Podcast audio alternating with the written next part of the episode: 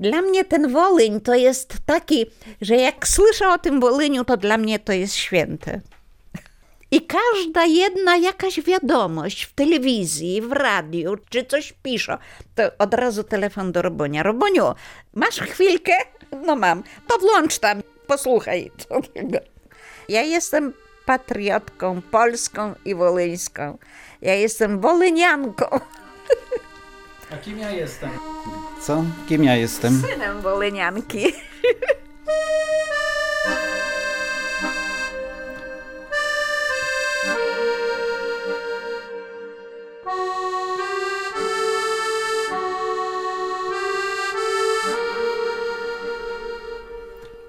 To była wieś Jarosławicze, 16 kilometrów od Ludzka.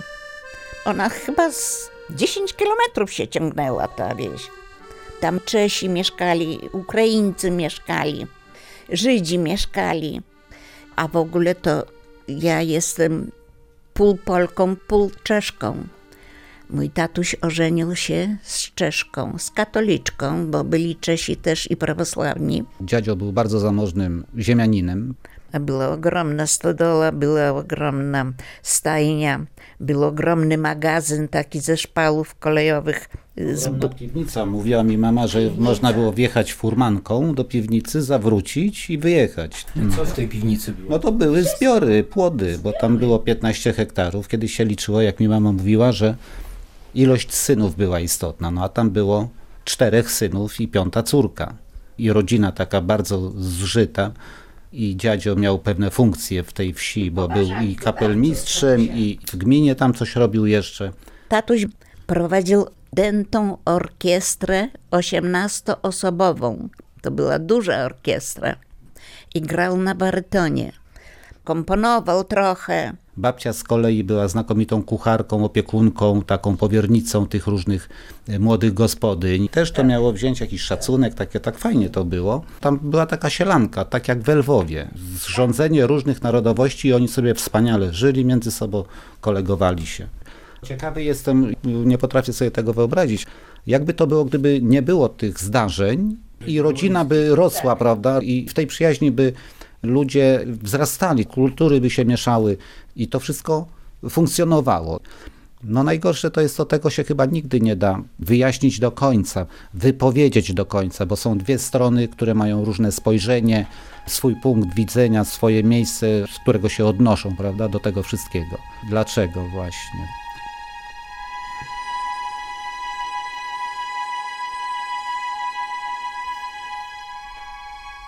To był 42 rok może.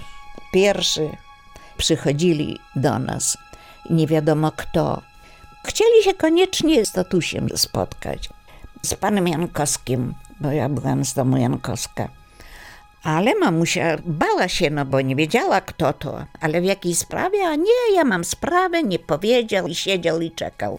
I prawą rękę trzymał cały czas w kieszeni. Mamusia mu wodę tam podawała, bo chciał się napić, do tej prawej ręki nie wyciągnął z kieszeni. I mamusia doszła do wniosku, że on tam najprawdopodobniej jakąś broń trzymał. Posiedział pięć godzin, sześć, no i on zabrał się i poszedł. Ten Ukrainiec. No ale już rodzicom to dużo dawało. No po co przyszedł? Bo tu słyszało się, o tu zamordowali kogoś, tam zamordowali kogoś, tam spalili kogoś, tam pokiereszowali nożami, siekierami. Były pojedyncze przypadki. Na razie. I tak jak się mówiło, a no bo tamto miał jakieś zatargi z Ukraińcami, dlatego przyszli i go zamordowali. Tam było mnóstwo takich najść, takich na nasz dom. A ja nie wiem dlaczego, ja właśnie to bardzo przeżywałam. Ja byłam najmłodsza. Chłopcy tak to nie przeżywali, jak ja to przeżywałam. Oni byli już prawie dorośli, no bo ten Tadzik, najmłodszy brat, to był 4 lata ode mnie starszy.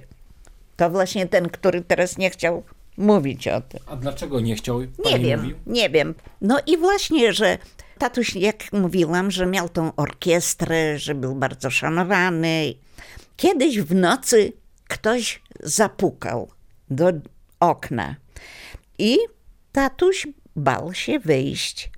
Ale ten bardzo tak pukał tak delikatnie. I ja to pamiętam, to pukanie do dzisiaj, bo już nas pobudzili wszyscy na nogi, bo trzeba będzie może uciekać z domu. No i okazało się, że to z sąsiedniej wsi brata kolega z Borsunia, z takiej wsi, która była 3 kilometry od nas. Jak chodzili do kościoła, do naszej parafii, to obaj służyli do mszy zawsze. No i chcieli, żeby on wszedł do domu, on powiedział, nie, nie wejdę, tylko mówi, wracam z Borsunia, z zebrania banderowskiego, że trzeba Jankowskich wymordować, bo ich syn jest w bandzie polskiej, bo oni to nie nazywali partyzantką.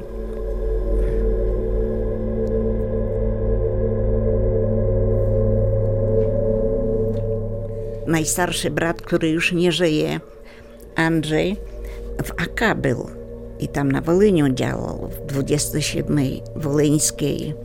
No i rodzice już, że trzeba uciekać. No i co później dziadek zrobił? No i zaraz na drugi dzień zaczęli coś robić, żeby już nie nocować w domu. A to było w lutym.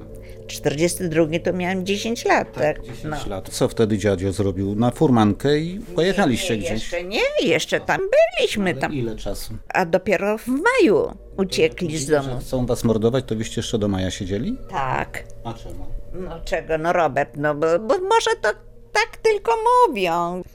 Każdy myślał, no co, jak myśmy tak w zgodzie żyli, to jak oni mogą nas przyjść wymordować? Za co? Czego? Podjęliście decyzję o uciekaniu? Nie, nie podjęli, tylko po prostu nie nocowali w domu. Tatuś nocował z chłopakami. A wy?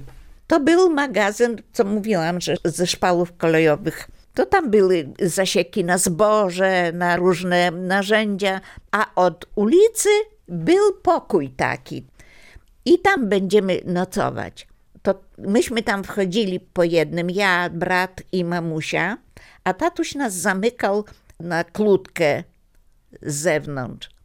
Ale jak za miesiąc, za dwa zaczęli palić już budynki, to rodzice doszli do wniosku, że przecież tam zamordują tego tatusia. Tatuś nie dojdzie nawet do tych drzwi, żeby nam otworzyć. A jak my będziemy tam zamknięci z zewnątrz, to jak my uciekniemy? Spalimy się.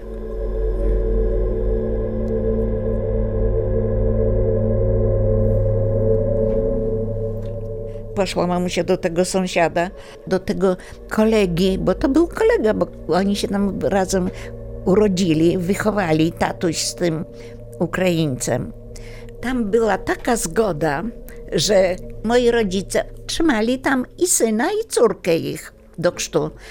To poszła do niego i prosiła, że może gdzieś u niego w stodole można będzie tam przespać, bo ja jestem Janina, z Janią i z Tadzikiem.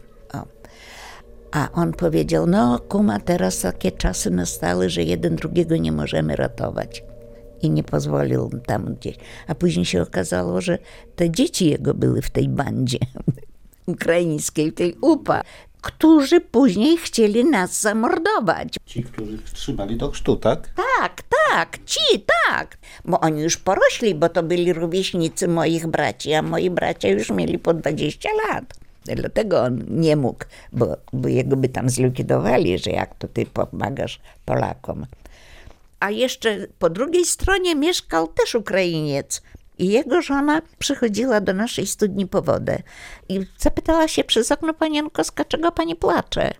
A ona mówi, pani Kasiu, przecież teraz tak wie pani, że mordują Polaków, a ja nie mam z dziećmi gdzie się podziać. Byłam u Sowokina, prosiłam, żeby nas w nocy przychował, a on nie chciał. No to ona mówi, ja tam sztachety w plocie sama wyrwę, będę niby kurę szukać, krzyczeć, zrobię taką dziurę, że pani z tymi dwojgiem dzieci, niech pani przychodzi do mnie. W jednym pokoju będziecie u nas nocować. I ja tam nocowałam, brat. A ufaliście w ogóle im? Przecież Tak, bardzo ufali rodzice im.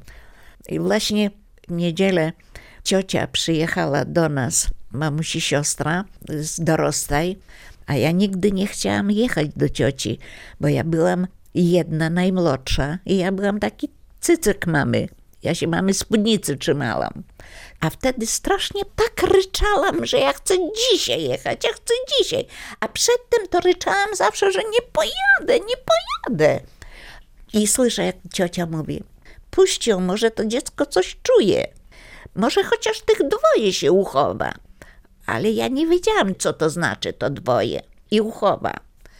I jak przyjechałam do cioci, to ja tam zobaczyłam brata swojego, Andrzeja. I są tych dwoje. Bo Andrzej był wyznaczony na roboty do Niemiec. Ale tatuś wykupił od Niemców Andrzeja. I on tam mieszkał. To był taki jeden dom w lesie, w promieniu kilometra nikogo. I te psy szczekały, bo tam było tych psów, że nie wiem. Psy szczekają, to już chyba idą Ukraińcy, już nas tutaj zamordują. Andrzej przyszedł, mówi, nie bój się, zobacz, ja mam broń, jak przyjdą, ej, to pozabijam. O. A co to, to taki dziesięciolatce było tam. Wierzyła, jak to starszy brat obroni.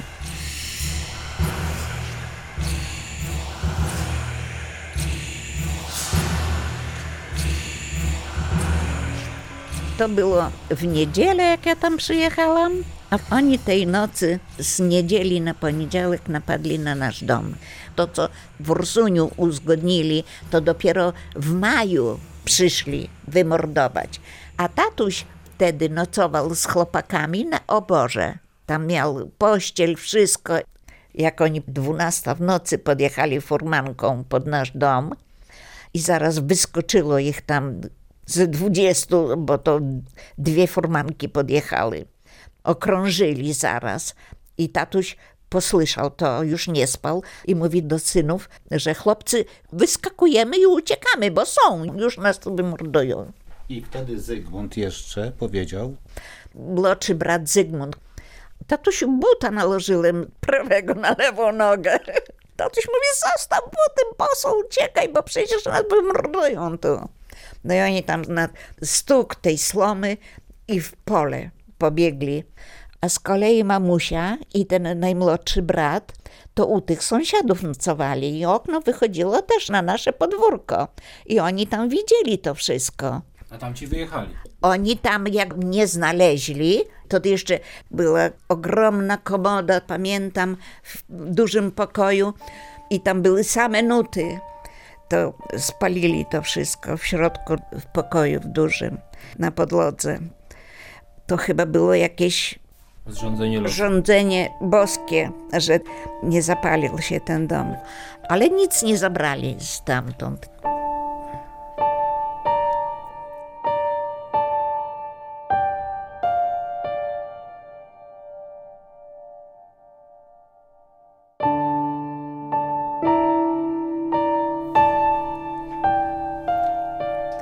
No i właśnie jak już rano wszyscy się tam zeszli, to od razu zaczęli szykować drabiniasty wóz. wiedzieli, że przyszli ich zamordować, a oni się nie bali rano wrócić jeszcze, przecież mogli być zasadzka jakaś czy coś mogło tu...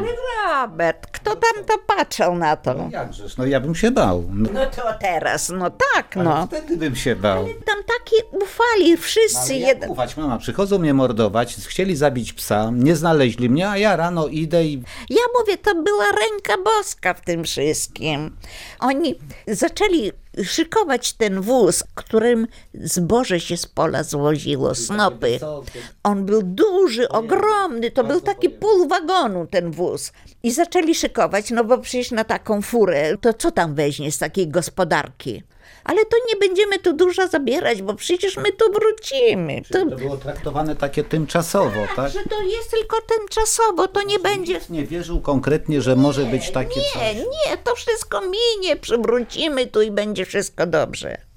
To było takie zaufanie tam do tych Ukraińców. Tyle set lat razem mieszkali.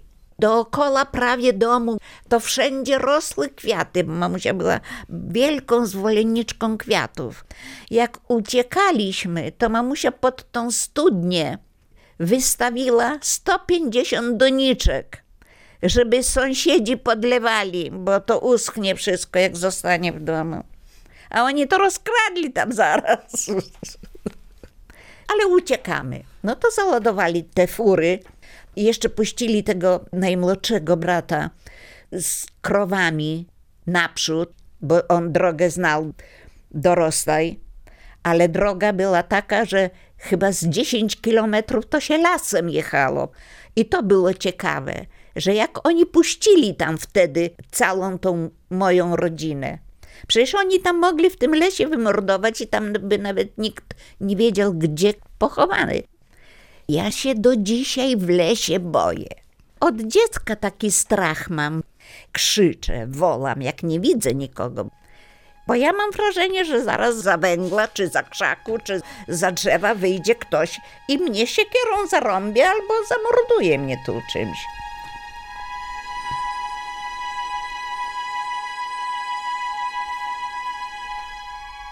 I ja mówię, to było takie zaślepienie ich, że oni nie pomyśleli o Po tym. prostu mieli inne plany wtedy i oni myśleli, że wy już po prostu zniknęliście, uciekliście. No nie No zniknęliście. jak? No mogli myśleć, że już was nie ma, że nie wrócicie, no bo Oni wiedzieli, że wrócimy, bo jeszcze mamusia, wychodząc za mąż, to dostała taki kredens w wianie i to było taka porcelana, takie pojemniczki, talerze, na pół tej ściany albo na całą tą ścianę.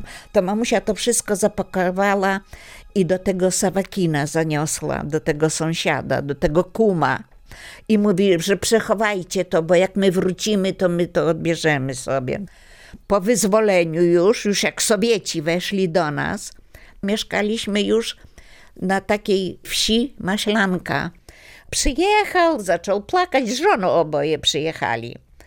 Że po co to było, taka zawierucha, no i wiesz co, Józiu, ty przyjedź do mnie, zabierzesz tą porcelanę. A później okazało się, że on chciał ojca jeszcze wtedy zamordować. Ale wtedy to się tak złożyło, że oni się tam na którąś niedzielę umówili i tatuś pojedzie, ale nie pojedzie do Jarosławicz, tylko przed Jarosławiczami była jeszcze taka wieś Wygoda i na tej Wygodzie mieszkali jego teście, tego Sawakina, że tam u teściów spotkamy się. A oni też w lesie mieszkali, na odludziu. Tatuś sam nie chciał jechać, tylko wziął kolegę i pojechali we dwóch furą. Czekali prawie do wieczora i Sawakin się nie pokazał. Okazało się, że Sowieci okrążyli całe Jarosławicze i wszystkich tych bandziorów wyaresztowali i wywieźli ich do Rosji, na Syberię. I dlatego Sawakin nie mógł się wydostać z Jarosławicz, żeby na tą wygodę przyjechać. A skąd było wiadomo, że chciał ojca zamordować? A no bo tak powiedzieli koledzy jego. I jak mama się o tym dowiedziała? No, no ja nie dowiedziałam się, ojciec się dowiedział. A gdzie ta porcelana mamuś jest? Gdzieś tam w Jarosławiczach. No, to tam już się ktoś Tak. opiekował.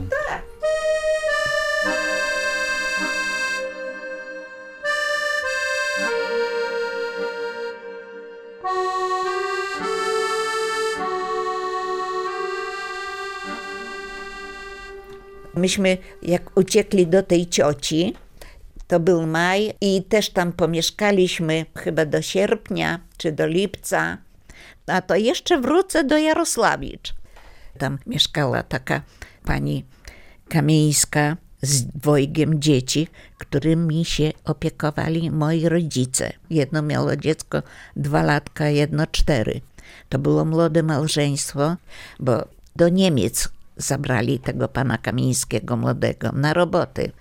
Tak się złożyło, że pani Kamieńska dała znać moim rodzicom, tam do cioci, żeby po nią przyjechał ktoś z naszej rodziny i zabrał ją, bo ona chce uciekać stamtąd.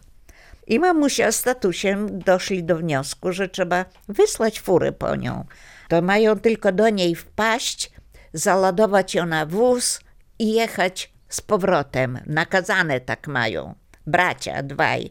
Zygmunt taki dziewiętnastoletni i Tadzik piętnastoletni. To jeszcze nie pojechali nawet naszym wozem, tylko wzięli od cioci wóz, bo te wszystkie to się różniły. Wóz ukraiński to było widać, że to był Ukrainiec, Czech jechał to, że to Czech jedzie i Polak to jedzie Polak. Oni wzięli inny wóz, żeby ich nie poznali. Wóz cioci, że to Czesi jadą. Jeszcze dali kapelusz, bo Czesi przeważnie w kapeluszach chodzili. I oni jak przyjechali do niej, to ona, a ja nie pojadę, bo oni mordują tylko tych, co tam mają jakieś zatargi z nimi. No i chłopcy zostali na lodzie. Chłopcy wrócili. Nie, chłopcy pojechali do wsi, do domu naszego. No po co narażać się? Tak, narażać się. Jeszcze Ukrainiec, Milasiewicz, złapał karpia ośmiokilogramowego. To jeszcze poszli tego karpia oglądać. I jeszcze chodzili kąpać się do stawu i w ogóle tam. I O. co, wrócili? Chodzą, I oglądają, nie zajechali boją. do domu, załadowali kartoflami i drzewem wóz i przyjechali do cioci, przywieźli. I oni jak przyjechali, to mówili, że wszyscy chodzili tacy, mówię, jacyś naburmuszeni, jacyś źli. O, Polacy czy Ukraińcy? Ukraińcy, że tam jak zagadał do nich, to taki jakiś tego. No ale puścili ich. A na drugi dzień wymordowali całą wieś polską, naszą. No ale dlaczego nie zamordowali tych naszych chłopaków? Może akcja była wyznaczona, że na jutro i oni może przypuszczali, że jutro również będą i będą mogli tą akcję przeprowadzić. No Słusznie, ale tak. wypuścili ich.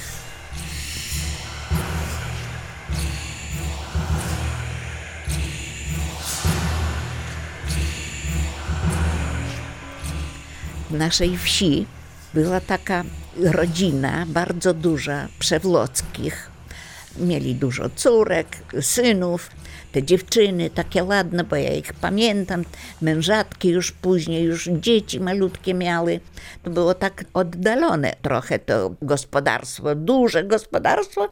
I właśnie tam mieszkał urzędnik, bo w naszej wsi była gmina. I tam ci urzędnicy to i u nas tam mieszkali. Rodzice wynajmowali i oni tam podjechali do tych przywlockich furami rano i załadowali ich na wozy, pokrępowali im ręce i nogi. Niedaleko, chyba z 5 czy 6 kilometrów od nas był las.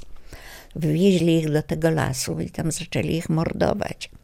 To tam zaczęli gwałcić najpierw te dziewczyny, a oni byli powiązani, mężczyźni, leżeli i oglądali to wszystko.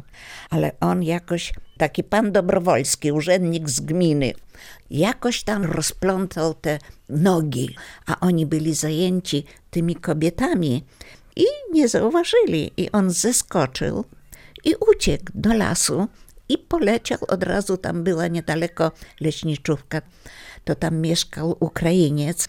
Stary był bardzo porządny, tylko też miał syna, który należał do bandy. I on powiedział, że niech mi pan rozwiąże ręce. Ten Dobrowolski do tego chłopa, ten chłop mówi, panie uciekaj stąd, bo mnie syn mój zamorduje, jak ja zobaczy, że ja pana ratuję. No ale przyrżnął mu te paski tam na tych rękach i on uciekł i przybiegł do domu i do żony mówi, zabieramy dzieci i uciekamy. Jeszcze przez okno zdążył krzyknąć do tej pani Kamińskiej: Kamińska, pakuj dzieci i uciekaj, bo już wszyscy przewlotcy są wymordowani.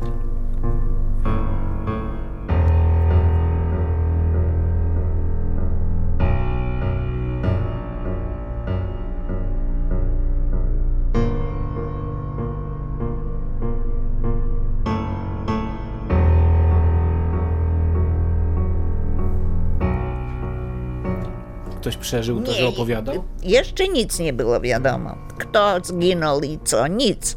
Dopiero później, po trochu, bo kto uciekł do Ludzka, to w Ludzku mieliśmy rodzinę i znajomi, i sąsiedzi, także już później dochodziły, że tego zamordowali, tego.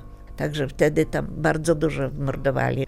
Opowiadał kolega, z którym mam y, kontakt do dziś.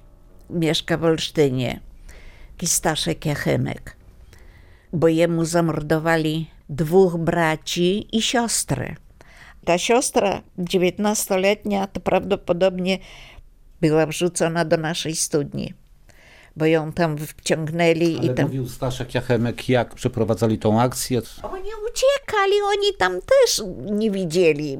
Bo oni widzieli tylko kałużę krwi. Wpadł, mówi, do domu i zobaczyłem, że w kuchni, mówi, cała kałuża, mówi, kaczęta male. Matka nasadziła kaczki. To mówi, paplają się tylko w tej krwi i nie wiedzieli, co się stało. I do razu matka ich za ręce, tych dwoje młodszych i uciekamy.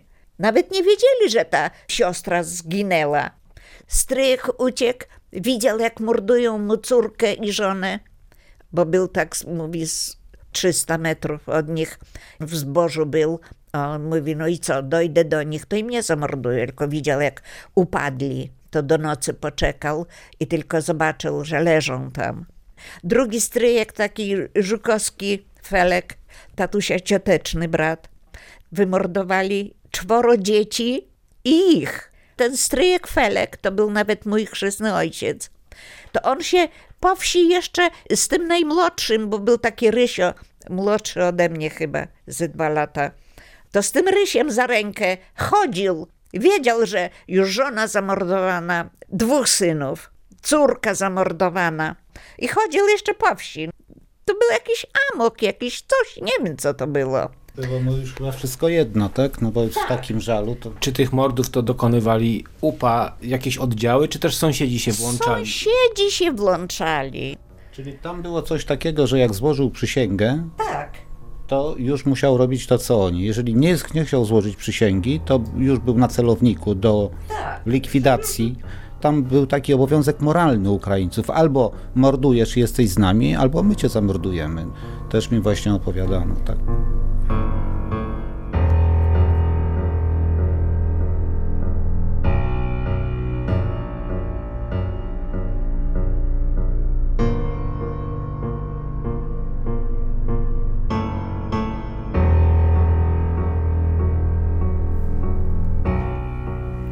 Kiedyś, jak byliśmy nad morzem, no i pójdziemy kogoś odwiedzić z rodziny, bo to było popularne, prawda? Z Jarosławicz tam mieszkał jeden, Milasiewicz. Właściwie myśmy na niego wujku mówili, bo jego brat rodzony ożenił się z mego tatusia siostrą. No i tam mieszkała, czy to mam, Milasiewicza tego żona. I poszliśmy ją odwiedzić. I mnie do dzisiaj pamiętam i chyba do końca życia nie zapomnę, jak wchodzimy i taki mrokliwy nastrój. I my pełni optymizmu, entuzjazmu chcemy się przywitać, bo to rodzina, prawda, przodkowie jakby, no bo to wołyniacy. No i siedzi przy oknie kobieta, odwrócona tyłem do nas, przodem do okna i rozmawia, wita się tak, ale to tak zdawkowo i w ogóle się nie odwraca. Bełkotliwy taki Tak, głos. tak niewyraźnie. Ją Ukraińcy przebili bagnetem, tak na wylot. To znaczy kuli ją w głowę Kuli bagnetami, głowę. tak. I O. co się dało uratować, to uratowali. Ona lekko sepleniła, w ogóle bardzo słabo mówiła, ale ponoć przed tym zajściem była piękną kobietą. No, przecież ja ją pamiętam bardzo. Ale czego ona tak została potraktowana jeszcze? Bo Andrzej, brat mój, jak był już w tej partyzantce, to kiedyś tam przyjechał do Jarosławicz, przyjechali tam wszyscy. Coś tam mieli do załatwienia, kogoś tam chyba zgładzić, no. W ramach walki jakiejś. Ale chciał ciocię odwiedzić. I ona krzyknęła, to ty jesteś. I na drugą noc przyszli i ją tak potraktowali. I oni ledwie z życiem uciekli na drugą noc czy na trzecią noc. Uciekli do Ludzka. Wylądowali nad morzem, bo praktycznie dalej już nie można było uciekać, no bo to prawie po przekątnej, prawda, czyli wiele setek kilometrów. I to niby się skończyło, zostały wspomnienia, ale została trauma i faktyczny uraz i skutki tego wszystkiego, które chyba, no nie wiem, kiedy to można zatrzeć, prawda, bo czy to Zatrze ogóle tego. To się nie zatrze tego.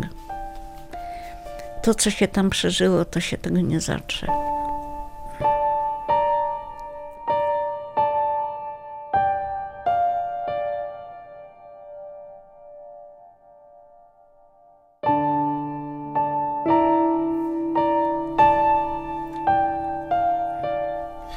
Te wieści o tym wymordowaniu doszły? Jak to wyglądało?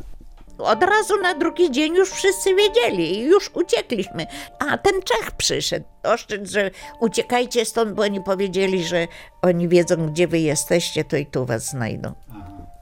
No ale oni Czechów nie mordowali, to nie mogli tam tak do nich wparować, tam jak to się mówi. Powiedział uciekajcie, bo was też już tu znajdą na drugi i dzień poszedł. Załadowali znów na wóz wszystko, co tam mogli i pojechali do tego Młynowa, a ten Młynów tam od cioci to był 7 kilometrów. Młynów to takie jak Lubartów, ale kiedyś jak był taki mały Lubartów, takie mieścina, to i ten Młynów był taki mały. A jak tam się zjechało tyle set ludzi z dobytkiem, ze zwierzętami, trzeba było coś jeść. No toż skąd? A każdy na swojej ziemi w promieniu 10 kilometrów, 3 kilometry posiał wszystko i to wszystko zostało i to wszystko rośnie tam. A tu w Młynowie nie ma co jeść. No to zbierali się, bo tam Niemcy trochę pozwolili broni tym Polakom mieć, a oni mieli swoją i umawiali się, no to dzisiaj jedziemy na tą wieś. Kartofle, jarzyny przywieziemy sobie tutaj. I dzielili się tak ze wszystkimi w tym Młynowie. To nie było nigdy, żeby z tego wyjazdu kilkanaście osób nie przyjechało zamordowanych. Z tych, co jeździli, ginęli, czy przywozili swojej rodziny do pochówku? ginęli, no bo oni tam napadali. Jechało 50, a wróciło 40. No, bo napadli na nich i oni musieli uciekać. A ja zawsze musiałam zobaczyć wszystkich tych, których przywieźli. Ja się zawsze modliłam za nich, za wszystkich. Pamiętam taką dziewczynkę, roczne dziecko chyba. Matka na ręku niosła i strzelił w nią w plecy. I to był taka kula, to się rozerwała gdzieś dziątko temu na nogach. I obie nogi były zdruzgotane. I pamiętam do dzisiaj, jak to dzieciątko plakało strasznie, jak go przywieźli, a matka zginęła. Ale jak oni pojechali po te płody tam, to ona przy okazji się z nimi chciała zabrać z powrotem, tak? Nie, no nie z, przy okazji, tylko ona z nimi pojechała i wracała z nimi. Dzieckiem pojechała?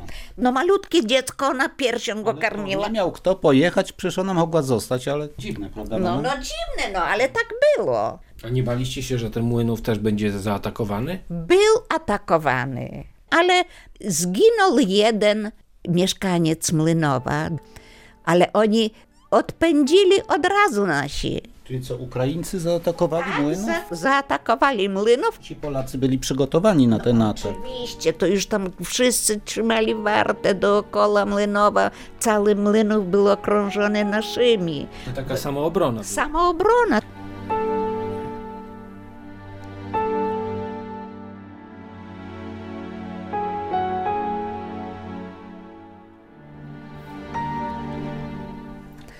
No i wszyscy, no, że, że już tutaj nie ma się teraz co bać Ukraińców, bo Ukraińcy już nie mordują. No to najbliżej jest wieś Maślanka, przez którą przechodzi szosa główna Luck-Dubno, równo. No i właśnie rodzice mówią, to nie ma co, to my pójdziemy na maślankę, tam na maślance tatuś z mamusią mają znajomych, to nas tam gdzieś przynocują. I tam mieszkaliśmy do 45 roku, do maja. Już jak do nas wkroczyli Sowieci, to już tam było bardzo bezpiecznie. Kiedyś tak z Tadzikiem siedzimy na skarpie na tej szosie i patrzymy, jak te samochody jeżdżą, bo to kiedyś to ciekawe było dla takich dzieci jak ja. Ale idzie tak może ze 100 osób, może więcej, czwórkami takich różnych wyrostków, takich po 20, po 50 lat, po 30 lat. Na furach siedzą baby stare, dzieci, a z tyłu za nimi załadowane te wozy. No i tam akurat trzeba, żeby oni tam zrobili im postój. Ktoś ich eskortował, tak? No oczywiście, wojsko, rosyjskie wojsko eksportowało. rosyjskie, radzieckie wojsko, no to się mówi. Zrobili im postój, a my tam wysoko siedzimy, ale oni poglądali się tam i tam patrzymy, jak tam jeden drugiego, tego tu my patrz, zobacz, jeszcze tych nie zamordowaliśmy, zobacz, jeszcze żyją. I tak, No, może was poznali. no poznali, bo to byli z nas z Jarosławicz. Nasi sąsiedzi, nasi znajomi mieszkali kilometr od nas, a to pół, a to pięć chalup od nas. I poznaliśmy ich wszystkich, że to naszych Ukraińców pędzą, prowadzą na Syberię. Oni ich do Dubna gonili. A ci sąsiedzi wylądowali na Syberii. Ci, co nie chcieli nas przechować. Tam była jedna dziewczyna, taka w moim wieku, Nilka, i tych dwoje starszych, to takie po 20 lat wtedy mieli. Ta Nilka to prawdopodobnie 20 lat chora leżała, jak z tej Syberii wróciła. A ci chłopcy gdzieś poginęli, właściwie ten syn i ta Olga i Włodzimierz. To pamiętam jak dziś te imiona ich. Wolodьka właściwie, mówili się po ukraińsku. Z tą drugą rodziną co się stało, co wam pomagali ukraińską? Oni gdzieś wyjechali stamtąd, to już nie mieliśmy z nimi kontaktu. Już nawet jak byliśmy na Maślance, to też żadnego kontaktu nie było z nimi.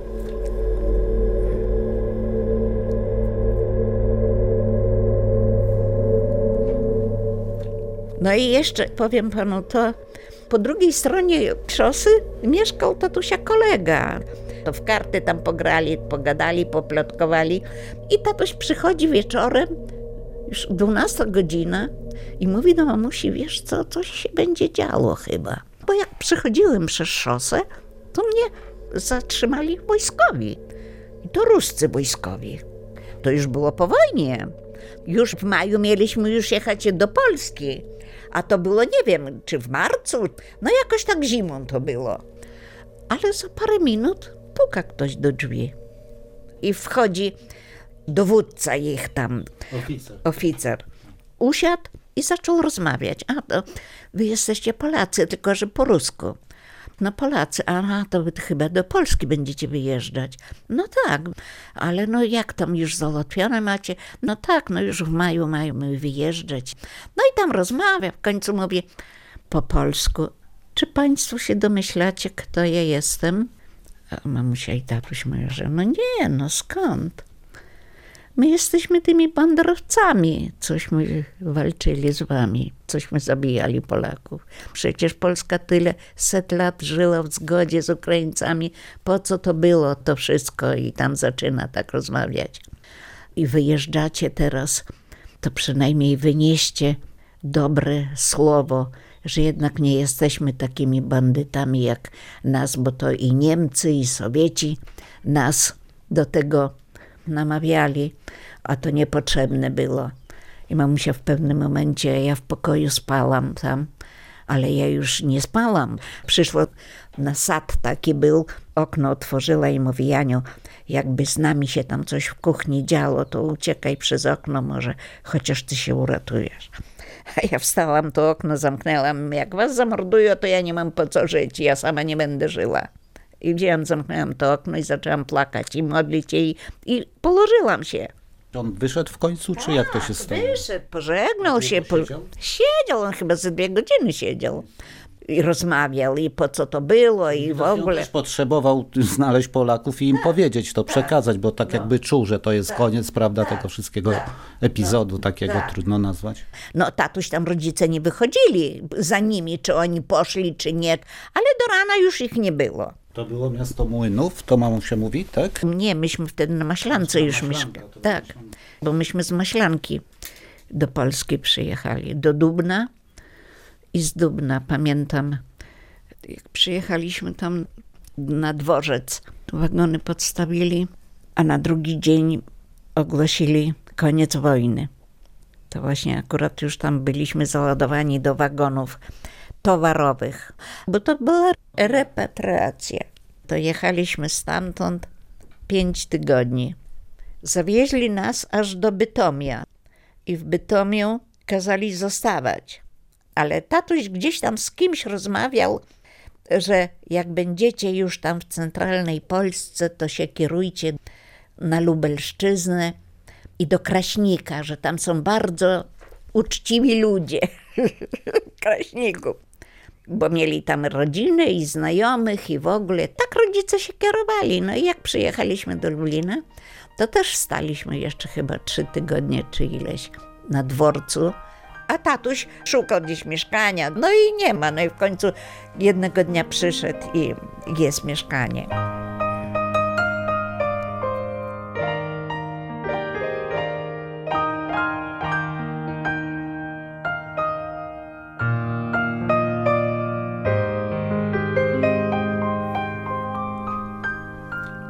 Jak się pojawił ten pomysł, żeby tam pojechać? To było od początku wyjazdu, od 45 roku, żeby jeszcze pojechać, zobaczyć te swoje rodzinne strony.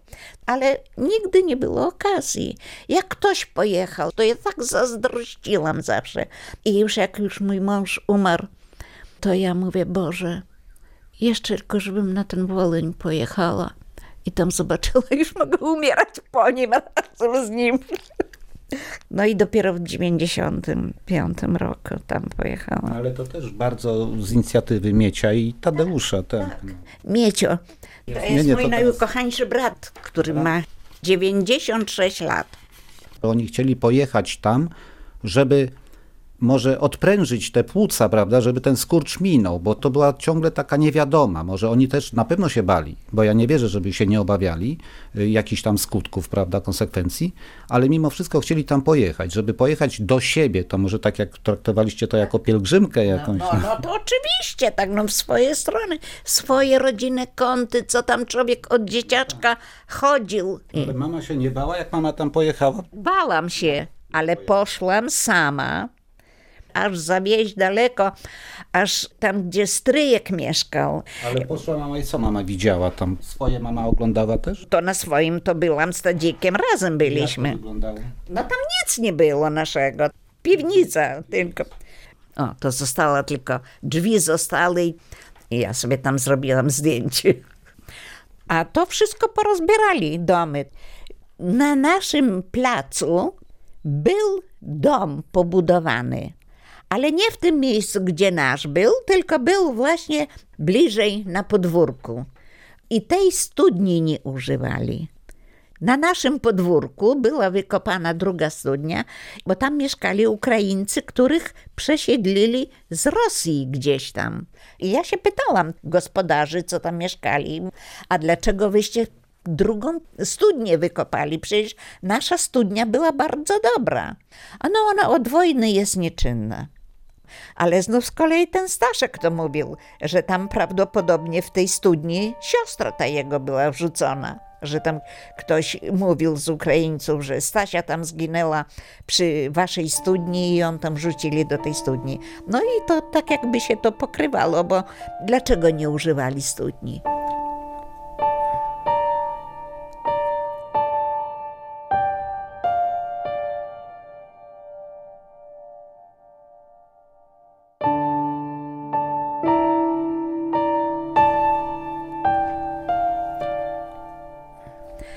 Potem jeszcze też przeżycie, bo w Jarosławiczach nie było kościoła, tylko była cerkiew.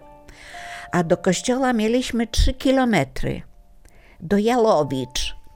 I tam piękny kościółek starodawny stał. Wysadzili to wszystko Ukraińcy w powietrze. I polski cmentarz, tam naszej babcie, dziadkowie. I myśmy z Tadzikiem pojechali na ten cmentarz do Jalowicz. Zaorane pole, krzaki. Te cmentarze prawdopodobnie spychaczem do takiego wąwozu zepchnęli to wszystko. Jeszcze myśmy tam zaglądali do tego wąwozu. Myśmy tak z stanęli, objęliśmy się i zaczęliśmy strasznie plakać na tym cmentarzu. I przychodzi taka akurat droga zaraz była blisko. Przychodzi kobieta i mówi: Wy Polaki, a no widzicie, co zrobili, a wysadzili w powietrze cały kościół, tak. I to był kościółek pod wezwaniem Najświętszej Maryi Panny. I tam się urodziłam, tam byłam chrzczona. W Młynowie był kościółek Mateńki Najświętszej też. Tam brałam pierwszą komunię świętą. I teraz też mam parafię Matki Boskiej Królowej Polski. I całe życie moja mateńka mnie trzyma.